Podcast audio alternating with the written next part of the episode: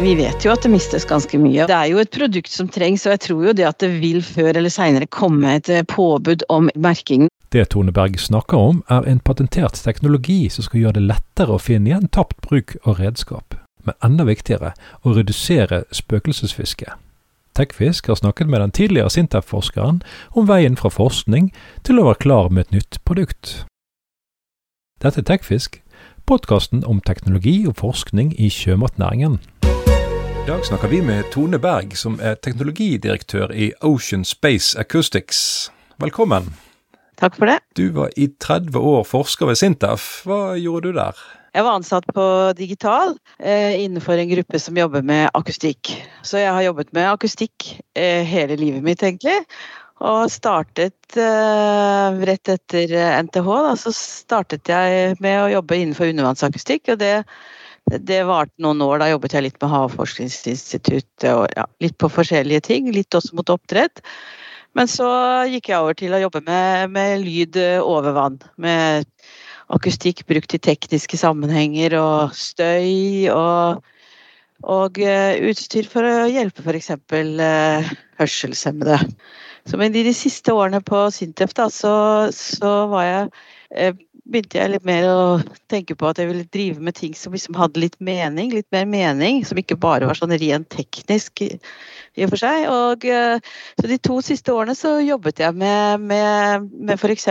å starte et prosjekt i Tanzania sammen med noen andre i Sintef, da, hvor vi utviklet en screeningsmetode for å, for å screene eh, barn eh, hørselsmessig, og ved hjelp av et spill på et nettbrett f.eks. Og det var et eh, kjempeartig prosjekt. Men det, det, fikk jeg jo ikke jobbet ferdig med, da, for det går jo fremdeles. Og så jobbet jeg også litt med 3D-lyd for å hjelpe blinde å navigere.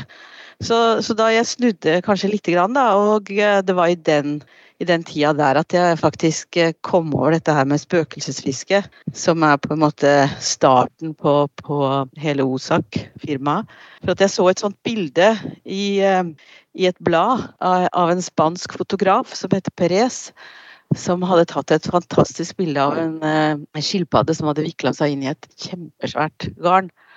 Og, og det var et, et, veldig flott bilde, og samtidig et ganske sånn litt fælt bilde. Og så sto det litt under der da, om eh, spøkelsesfiske, og, og, da ble jeg interessert i det og begynte å, å lese en god del om det. Og, og liksom tenkte mye på det da, parallelt med disse andre prosjektene. og Det var liksom starten på Osak, da.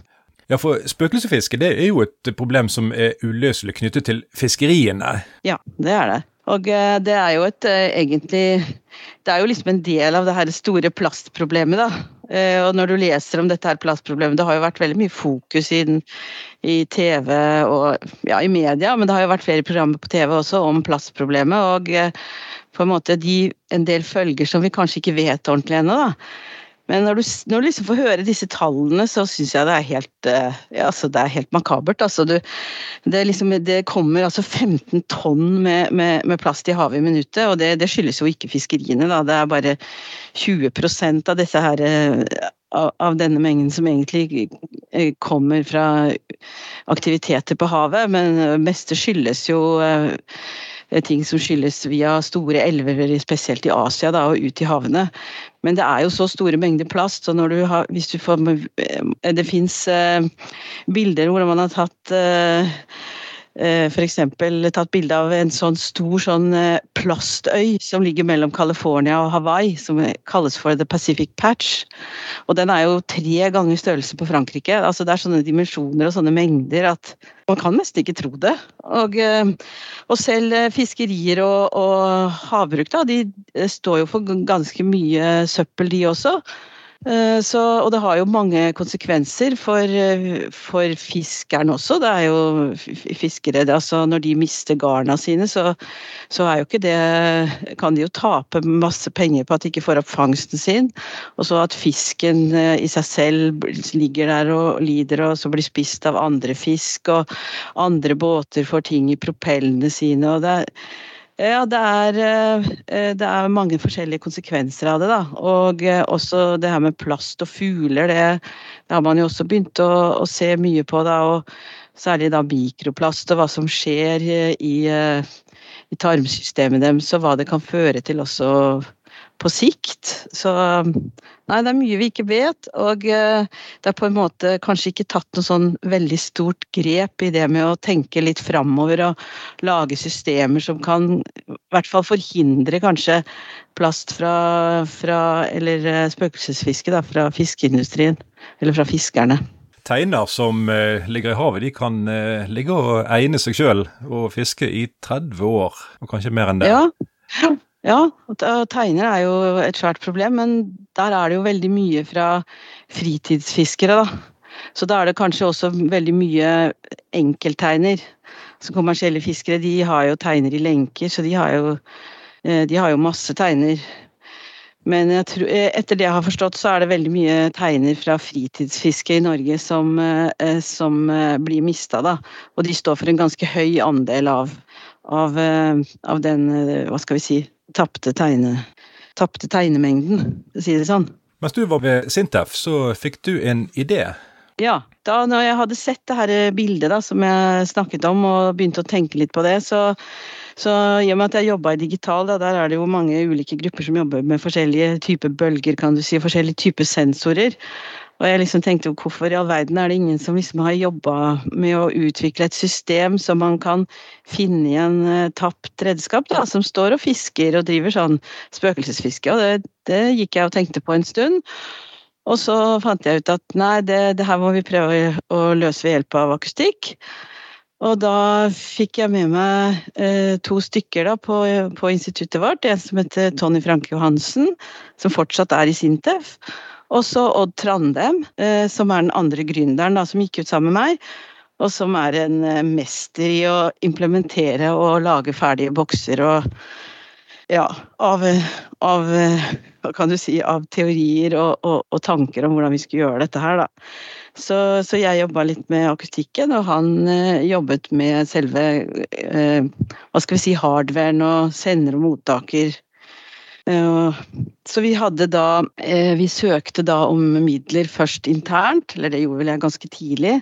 Og så fikk jeg med disse andre. Og så eh, forela vi ideen for Sintef TTO, som er en del av Sintef som på en måte kommersialiserer ideer da, som de tror har en markedsverdi. Og, så, og, da søkte vi på et program i Forskningsredet som heter Vår Ny, som er et sånt verifiseringsprogram. Og eh, det var et prosjekt som gikk over to år, da. Og da, da bestemte vi oss for å, å, gå ut og prøve å gründe et selskap og lage eh, Pingmi-produktet, da. Og da hadde vi jo støtte i eh, Sintef TTO, som har et, eh, et stort investeringsfond som de eh, administrerer, da. Så sånn, sånn, var egentlig starten, da, kan du si. Og det her skjedde da i Vi gikk ut og startet OSAK i 2018. Sent på 2018. For å få kommersialisert forskningen fra Sintef, så må det foregå utenfor Sintef? Ja, ja det må det. Men, vi, men vi, når vi kjørte det her prosjektet i Sintef i Forskningsrådet, da, så, så, eh, så, skrev vi også patent. da, og, den, men, og, det patentet er det jo da eh, Sintef TTO som eier, kan du si. da. Eh, så, men, så når vi går ut og Men vi, de er jo interessert, Sintef er jo veldig interessert i at, at ideene deres blir omgjort i praksis, og at man lager Etablerer selskap og lager produkter. Så, så det er ikke noe det er ikke noe motstand mot det i det hele tatt. Og fra akustikk på den gruppen jeg er, så var det jo fire stykker som gikk ut og lagde selskaper over en periode på to år, da. Så det, på, på digital så er det mange som gjør det, men det er ikke kanskje like mange i, på de andre instituttene i Sintef. da. Før vi dykker litt ned i hvordan dette egentlig fungerer, så uh, hva gjør dere akkurat nå? Nei, nå vi skal Vi har jo bestemt at vi skal uh, ut i markedet på, uh, under fiskerimessa, da. Så det er liksom den store dagen for oss.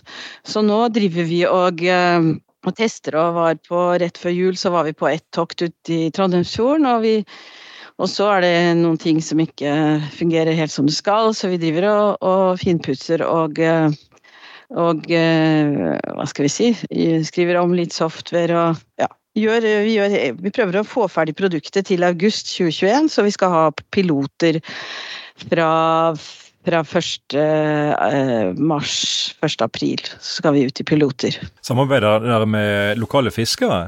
Vi samarbeider med litt fiskere her. derfor Vi ønsker, å prøve, vi ønsker å få prøvet dette her på litt forskjellige typer båter med forskjellige typer fiske. Da. For det er jo litt, eh, det er jo litt forskjell på dybder og, og på type utstyr ikke sant, som man bruker. Så, men vi ønsker Først nå så skal vi på garnfiske og, og kanskje på line, men i hvert fall på garn, da.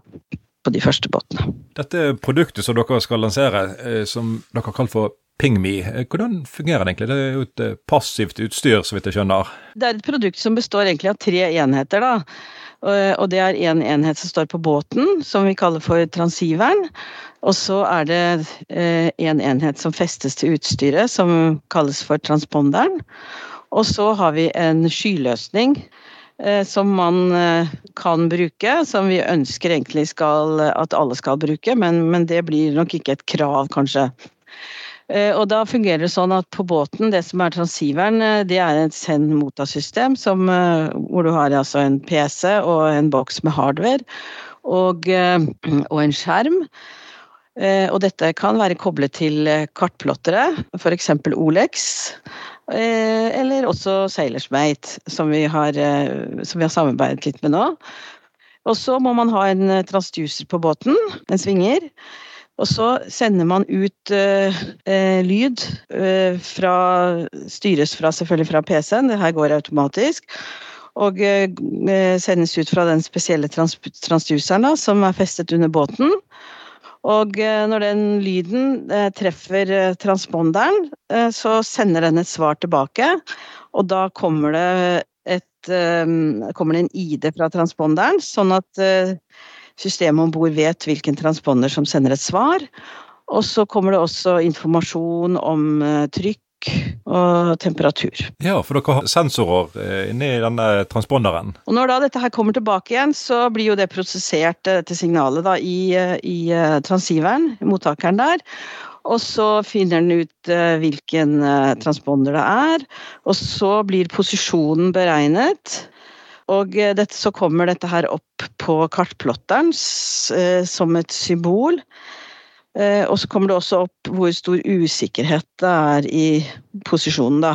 Sånn at du kan liksom Du vil se på kartplotteren når du kjører båten, hvordan den posisjonen blir mer og mer nøyaktig, da.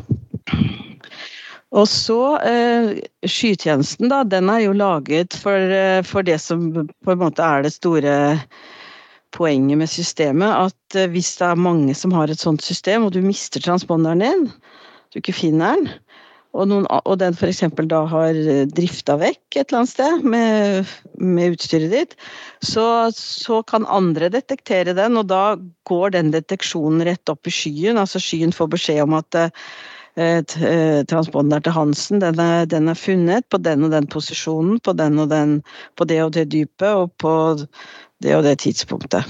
Ja, Så skytjenesten driver egentlig og kartlegger rett og slett eh, tapt utstyr kontinuerlig? Ja, den, liksom, den, eh, og den kartlegger ikke bare tapt utstyr, da, men den vil inneholde masse informasjon som du på en måte kan ta opp igjen senere. Det er liksom det som er, med, det, er det som er hensikten også med skytjenesten. Da. At hvis du f.eks. Den skal også kunne inneholde en del informasjon om fisket ditt som du ønsker skal samles et sted. Da. Sånn at f.eks. at du kan la oss si at du kan spørre senere at hvor var det, hvor var det jeg var og fiska helt nøyaktig i, eh, i, i eh, februar 2021 f.eks. Så da kan du få opp det på kartet ditt liksom som streker eller på, visualisert på en eller annen måte. Da, hvordan, hvor du var hen og fiska, og du skal kunne få informasjon om hvor mye fisk du fikk og ja, forskjellig sånt. Og det, det er sånn vi har tenkt å legge inn også, men, men det ligger ikke der foreløpig. Så det som er på en måte hovedhensikten, det er jo at uh, hvis, man finner, hvis, man mister en transponder og noen andre finner den, så blir, det, så blir alle deteksjoner blir sendt opp til skyen. Og så, hvis det er noe som er uh, markert som mistet, så sender skyen en SMS til fiskeren og sier at den er at, at, den er detektert på den og den eh, lokasjonen. Hvordan er rekkevidden på dette her? Det er jo snakk om noen meter med, med vann? Ja, nei, rekkevidden den blir sånn rundt 1000, altså 1 km, da, horisontal rekkevidden. Og Hvor dypt kan de, kan de ligge? Nei, de, de, er jo mer avhengig av hvordan transponderen, hva slags trykk den tåler, da. Sånn at hvis så opp, Med hensyn på liksom rekkevidde, egentlig, så kunne han jo ha ligget på 1000 meter ennå, og enda dypere. Men den er ikke spekka foreløpig for, for fem ja, den tåler vel en sånn 700-800 meter nå, da. Så det er liksom litt avhengig av de materialene vi har, da. Så, men det, det, kommer vi til. Så det er jo noen, det er jo ikke De fleste fiskeriene er jo ikke så, så veldig dypt. Altså, du har jo de som er ute på renna. De, da må du kunne gå Da må den tåle å komme ned på 1000 meter. Og så har du noen helt nede ved Sydpolen som er helt ned på 2000 meter. Men veldig masse av fiskeriene er jo ned til 300 meter, da, kanskje. Så Dette krever vel strøm? Ja. Øh, ja. Nå, nå, har jo ikke jeg kommet inn på det at vi, vi, på en måte har Det var kanskje derfor du snakket om en passiv. Altså vi, vi har utviklet eh, en versjon som vi kaller for short range, og så nå driver vi og tester den long range. Uh, og den short range de er basert på to li, litt forskjellige prinsipper. da. Hvordan de uh, virker nede i, i selve transponderen, kan du si. Oppe så er liksom alt oppe helt likt, men selve transponderen er litt forskjellig. Og i den short range, den, den kan ligge i altså den, det kan ligge i vann i, i kanskje opptil ti, ti år, den, uten at, uten at, batteriet blir brukt opp. Men long range, den vil, den vil være avhengig av hvor mange som driver og pinger på den. Det er ikke den short range, da. Den, det er helt uavhengig av om det er 50 båter som ligger og pinger på den. Det spiller ingen rolle ut fra hvordan den funker. Mens den long range, den, den har jo en, et aktivt system inni seg, sånn, så den vil avhenge av hvor mange som driver og pinger på den. da. Så da kan du si at den, hvis ikke noe særlig pinger på den, og den blir mista og den hadde ligget i et sted hvor den hvor det nesten ikke kom en båt forbi som pinga, så vi kan den ligge i nesten seks år, tror jeg. Men det vil jo være veldig avhengig av de batteriene, så vi kommer inn Vi kommer nok til å legge inn eh, batteri med høyere kapasitet etter hvert, da, men ja, på den long rangen som vi på en måte har utvikla nå, da. Så det, det kommer jo til å være en kontinuerlig utvikling her, med hvor vi også øker batterikapasiteten. Siden dere startet i 2018, så har vel teknologien også tatt et par steg fram til deres fordel? Ja, kanskje. Men eh, batteriene, vet ikke det som har skjedd, er jo kanskje at, det, at induktiv lading har, har, blitt litt mer vanlig da, og det, det, har vi jo tenkt vi skal ha, da. Men det har vi ikke, det har vi ikke ferdig ennå, kan du si. For da slipper fiskerne å åpne opp utstyret og Ja. Alternativet er at vi har en slags kontakt da, som, som du kan sette på en propp, og som, som tåler å stå dypt, og som ikke, ikke, vil lekke. Da. Ja, det vil være en utfordring på større dyp. Det er ikke noe alternativ at ting skal skrues opp sånn at ikke, i hvert fall ikke av selve lokket og sånt, at det skal skrus opp. Det er ikke noe alternativ da. Men vi, vi satser jo på at det skal bli en induktiv lading, sånn at det skal bli litt sånn enklere på en måte, da. Og at du ikke kan miste deler og alt mulig sånt. Det er jo en stor fordel, for det jo, skal jo tåle ganske røffe omgivelser, dette her. Og de som bruker det, de har jo ofte på seg svære hansker eller votter og sånt. Og, så det må være laget litt med Alt bør jo være laget med tanke på omgivelser og, og, og, hvem som skal bruke det, på en måte, da. Hvor store er disse transponderne? Den som vi har nå, den er uh, omtrent 20 cm høy. Og så er den uh, har den en sånn konform, sånn at den har uh, diameter nederst kanskje på 8 cm, kanskje, eller noe sånt. Og så øverst så er den 18 cm. For det profesjonelle markedet så er det jo et eget utstyr som monteres under båten. Men for hobbyfiskere, som også er en del av dette problemet, vil dette være en løsning som er innenfor rekkevidde av også dette markedet? Ja, vi håper jo på det, da. Men du kan si at vi, når vi startet Når vi gikk ut og startet firmaet, så hadde jo vi tenkt at vi skulle komme inn i et ekkolodd, et vanlig ekkolodd, da. Sånn at vi liksom kunne integreres der og benytte transduceren som var under båten i utgangspunktet, og så at vi kunne komme inn med egen software. Men det var jo ikke så lett, og det var kanskje litt naivt å tenke at vi ville klare det. Og det vet jeg, vet jeg faktisk heller ikke om vi kommer til å klare. Men uh, vi har ikke gitt opp håpet, da. Men, men, det er jo mange tekniske problemer egentlig rundt det. Det fins jo voldsomt masse forskjellige typer ekkolodd, og, og transduceren er kanskje ikke så godt egnet til vårt formål, så, så det vet vi ikke. Men eh, hvis vi hadde klart det, så hadde jo det vært mye enklere også for fritidsfiskemarkedet, da.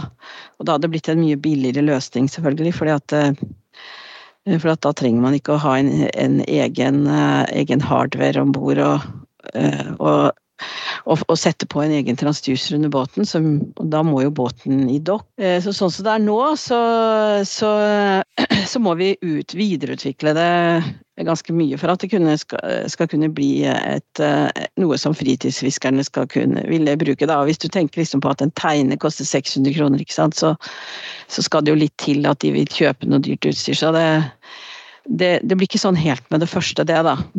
Det må i tilfelle være at vi utvikler transponderen, og så at man kan få selve letingen utført på en annen måte.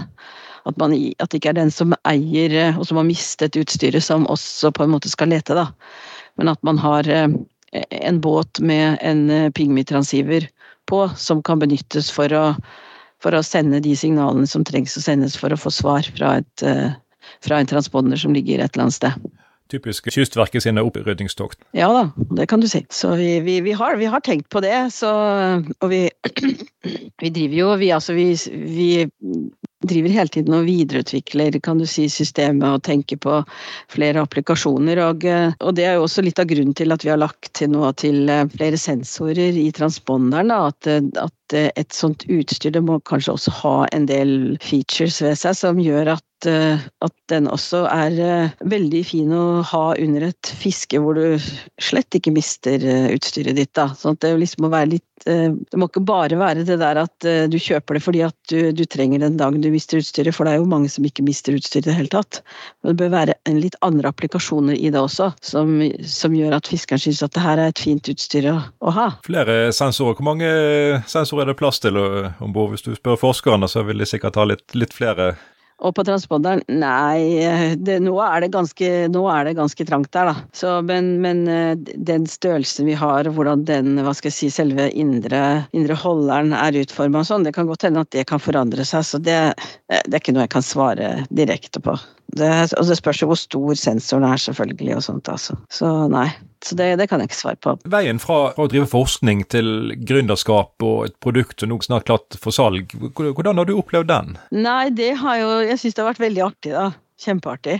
Og det er liksom veldig forskjellig fra å jobbe i Sintef, da. Eh, I og med at du, i hvert fall for meg, da, som, eh, som har jobba mer med sånne ideer og, og kanskje teste litt ut ideer, men bare liksom inntil et visst punkt. Mens, uh, mens Odd, han uh, andre som gründa, han har jo, han jo jobba på en litt annen måte i Sintef, så han er kanskje litt mer vant til det der å, å, å implementere og prøve å få et Eh, komplett system helt ferdig. Men eh, du har jo liksom mange sider her. ikke sant? At du skal jo klare å få penger, og hvis du skal drive fram produktet, så, så må du ha folk, og da må du ha penger igjen. Og, og liksom du skal drive et firma sånn. Det, ja, det er noe helt annet enn å være forsker, da, og det er veldig artig, men det er, det er jo ganske slitsomt.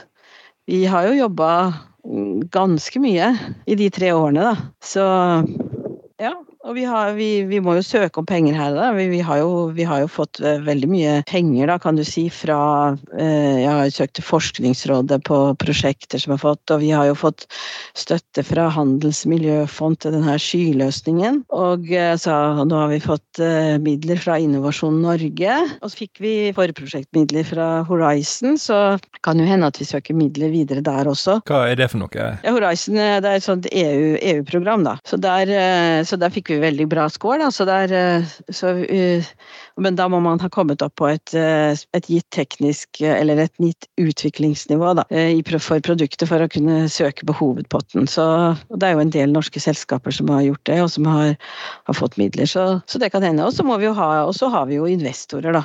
Kan du si man har jobba mye videre enn en, en, en det man har gjort på Sintef, da. Og så har vi jo også hatt med oss en stund, eller noen måneder etter at vi gikk ut, så fikk vi også gamle direktøren vår fra Sintef, Åge Tunem, han kom og ble CEO hos oss da, og det var også, har vært kjempefint. da. Så han har, han har sluttet nå, men, men, det har vært kjempebra for selskapet. Dette er jo et produkt som er veldig i vinden, og du nevnte investorer. Ja, nei, vi har, vi har, vi har flere investorer både store og små. og vi, De fleste er jo, syns jo at dette her er et veldig fint produkt. da, fordi at Spesielt i, i disse tider når det er så mye snakk om det. Så, så det har jo for så vidt gått det er ganske greit å få investorer, men det er jo selvfølgelig også en del investorer som ikke vil gå inn før du har begynt å selge. da, Sånn at de går ikke inn før, før risikoen er minimert litt og, og man har fått solgt de første produktene. Så vi har jo snakket med noen sånne også. Hvordan er responsen i markedet? Nei, det er veldig mange fiskere som sier at de, de syns dette her er et fint produkt, og at de ønsker å, ønsker å kjøpe et sånt produkt. Så, da, så vi må håpe jo at vi skal få kjøre noen gode piloter, og at vi skal få gode demoer på, på, på messa til sommeren, da, sånn at uh, mange vil kjøpe. Men det er jo selvfølgelig noen også som sier at nei, de mister jo aldri noen ting. Men altså, vi vet jo at det mistes ganske mye, og, det, og noen mister, og noen legger igjen også med vilje. Men, uh, så, så det, det er jo et et produkt som trengs, og jeg tror jo det at det vil før eller seinere komme et påbud om en eller annen slags form for merking, da. Foreløpig nå så har jo EU mest konsentrert seg om på en måte å, å rydde opp i gamle synder og forandre infrastruktur sånn at folk kan, når de finner gammelt utstyr, at de kan ta det med seg uten å, å, å, å legge det i en container uten å måtte betale penger. Det er jo liksom som en sånn slags hvitevareordning som vi har nå, ikke sant, på, på kjøleskap og alt sånt nå, at vi får levert det inn igjen gratis. Og det, Et sånt direktiv er, er, jo bestemt nå, da, og det vil bli implementert uh, i Norge også. Uh, så men det er jo sikkert til syvende og sist uh, fiskerne som betale for det, da, for det er jo produsentene av, av utstyr som, som, skal gå inn og på en måte etablere dette her. Da. Det er et sånt utvidet produsentdirektiv, som det heter. Men jeg håper jo at det blir, jeg håper jo at det blir litt mer fokus også på, på preventive Hva skal vi si Mer preventivt, da, sånn at man, at man må kunne merke man må merke utstyret sitt sånn at man unngår at det mistes. Det, jeg tror kanskje at det kommer til å, å, å komme, men, men, du kan ikke innføre for masse direktiver på en gang. Og nå har de liksom jobba veldig mye med, med denne her utvidede produsentdirektivet. Og så, og så har de også jobbet, jobber de jo veldig mye med sånn sirkulær økonomi da, og ser på materialbruk og at uh, man skal bruke ting som, uh, som, ikke har så lang levetid som plast, da, rett og slett. Så, men der er, de er jo ikke kommet kanskje så veldig langt der. Så nei, jeg vet ikke. Ja, det er, det er jo, Norge er jo på en måte et foregangsland med at vi driver og rydder opp, rydder opp, da. Og jeg tror ikke det er noen andre land i verden som driver med det. Og det er jo havet det står ut. Det er for store utfordringer. Det er jo et kjempeoverfiske også. I Norge har vi jo ganske bra, veldig stor overvåkning egentlig av fiskeriene, og mens nede i Afrika f.eks. i enkelte land der, så ikke, trenger man ikke å merke båten sin med skilt engang, så de veit jo ikke hvem som, som driver disse her store overfiskene. det er store forskjeller i verden. Ser dere Norge som et uh, testområde og verden som et marked? Ja, ja, det gjør vi, men vi ønsker jo på en måte å kjøre først piloter og konsentrere oss om Norge først, da. Og så, og så kanskje så har jo han markedssjefen vår, han har jo litt kontakter i både i Irland og i Skottland, og, og også en god del i i, Russland, da. Russland er jo et kjempestort marked. Men først vi liksom vil eh, bevege oss liksom egentlig i sirkler ut fra der vi er, da, kan du si. Regelverk går jo gjerne begge veier. Har dere møtt noen stengsler eh, som har jobbet mot prosjektet deres? Eh, nei, altså det er jo noen som sier at de, eh, at de ikke vil bli overvåket. Men i Norge så blir man, er det jo veld, veldig strengt på det, jo, altså det, kommer jo nye direktiver nå om at alle skal ha elektronisk loggbok, og der skal det, der skal det føres inn ganske mye. Og det, den kommer vel ikke til å bli implementert for, for de minste båtene før kanskje om en øh, fire-fem fire, år, eller noe sånt. Så det er liksom øh, det er litt rart, da, kanskje når noen sier at, at nei, jeg skal ikke merke mitt garn fordi at jeg vil ikke at noen andre skal vite hvor det er, men, men for alle store båter og mellomstore båter så er det jo krav nå om at du skal eh, registrere hvor du setter redskapen din, ikke sant, inn på BarentsWatch. Så, så sånn sett er det litt rart, men, eh, og, men jeg regner med at det kommer til å være mye, mye sterkere nå i, fortsatt i, i en del andre land, da, i hvert fall hvor man ikke Ja, hvor man mener at det er ingen andre som skal få vite noen ting om det jeg gjør. Jeg har hørt det fra noen amerikanske fiskere, blant annet. Men, men i USA så er det jo f.eks. en annen stor debatt nå da, som går liksom på For at hvalen Det er en sort hval der som har, holder på å bli utrydda, og den suller seg faktisk inn i, i tauene til hummer, hummer, til hummerfiske, altså tegnete teinene som de bruker for hummerfiske da, i Canada og USA. Så der driver de og utvikler sånne ropeless systems da, for at ikke hvalen skal sulle seg inn i disse tauene. Og det er liksom sånn du tenker at nei, all verden kan det gå an? De fisker jo ikke så kjempedypt, akkurat. Men uh, det er altså flere hvaler som har dødd. Så der er også litt den der tankegangen i ferd med å snu nå, da. Altså at da skal de ha systemer, og at folk skal kunne detektere hvor det Eller andre fiskere skal kunne, kunne detektere hvor de setter teiner og, og sånn at det blir mye mer, kan du si, offentlig eller ja, åpent, da. Sånn at man skal kunne se hvor man hvor man fisker. Tauløst system, sier du. Det høres ut som en god måte å miste utstyr på? Ja, men det er da, det er da de må ha gode altså det, det, kommer ikke til å bli lovlig før de kan vise til systemer som, som, som angir posisjonen, da, sånn som en transponder som vi har kan gjøre. ikke sant? Så de jobber veldig mye med den problematikken. Det er, det er, det er satt ned flere sånne utvalg som jobber med det i Canada og USA, så det er en stor ting der. Men det er ikke så, det er jo det er jo, det her er jo også litt væravhengig og sånt òg, da. Så, så, hvis du ikke har, hvis du ikke har en bøye, så du bare ligger helt ned på bånn uten å ha noe annet, så er det ikke sikkert at du vil bli påvirka av, av, av været i samme måte, da på samme måte. Antageligvis, eller det er nesten sikkert at du ikke blir det, da. Det høres ut som det neste markedet deres. ja, ja, vi, vi, vi, er i, vi, er i, kontakt med de. Mm. Ja. Det høres ut som et produkt som kan brukes andre steder enn fiskeri og Ja da, ja da. Vi tenker jo at det skal kunne brukes også til å posisjonere forankringssystemer. Så, men men, men foreløpig så vi tar liksom en applikasjon i gangen, da. Så, men vi, vi, tror at det kan egentlig brukes til å posisjonere ethvert objekt som ligger på bunnen, da. Så det, vi, har fått, vi har fått litt henvendelse fra, fra oppdrettsselskap da, som, som, lurer på om de kan få testet ut på forankring. Og det, det, kommer vi antageligvis til å gjøre. Kanskje om et år. Dere som er gründere, har dere andre prosjekter i ermet? Nei da, men vi tenker jo på flere, vi tenker jo på flere applikasjoner, da. Sånn som Vi tenker jo også på at vi, skal, at vi skal videreutvikle det, sånn at vi kan bruke det til å posisjonere når du drar opp redskap, f.eks. ei line f.eks. Av og til så kunne de trengt mer kan du si, informasjon om akkurat hvordan lina går og hvordan den ligger under båten og alt mulig sånt. Og det når de drar opp ei sånn kjempelang line f.eks. Men det kan ikke vi med systemet vårt sånn som det er i dag. Men det kan vi utvikle det til å bli, da. Det høres spennende ut. Og det er også på f.eks.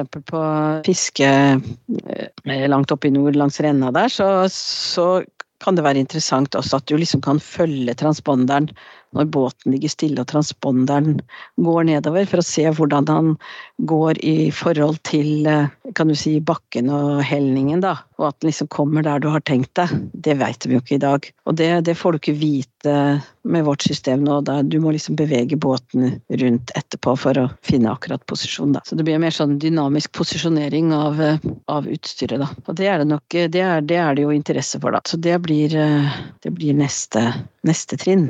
Du har hørt TechFisk, podkasten om teknologi og forskning i sjømatnæringen.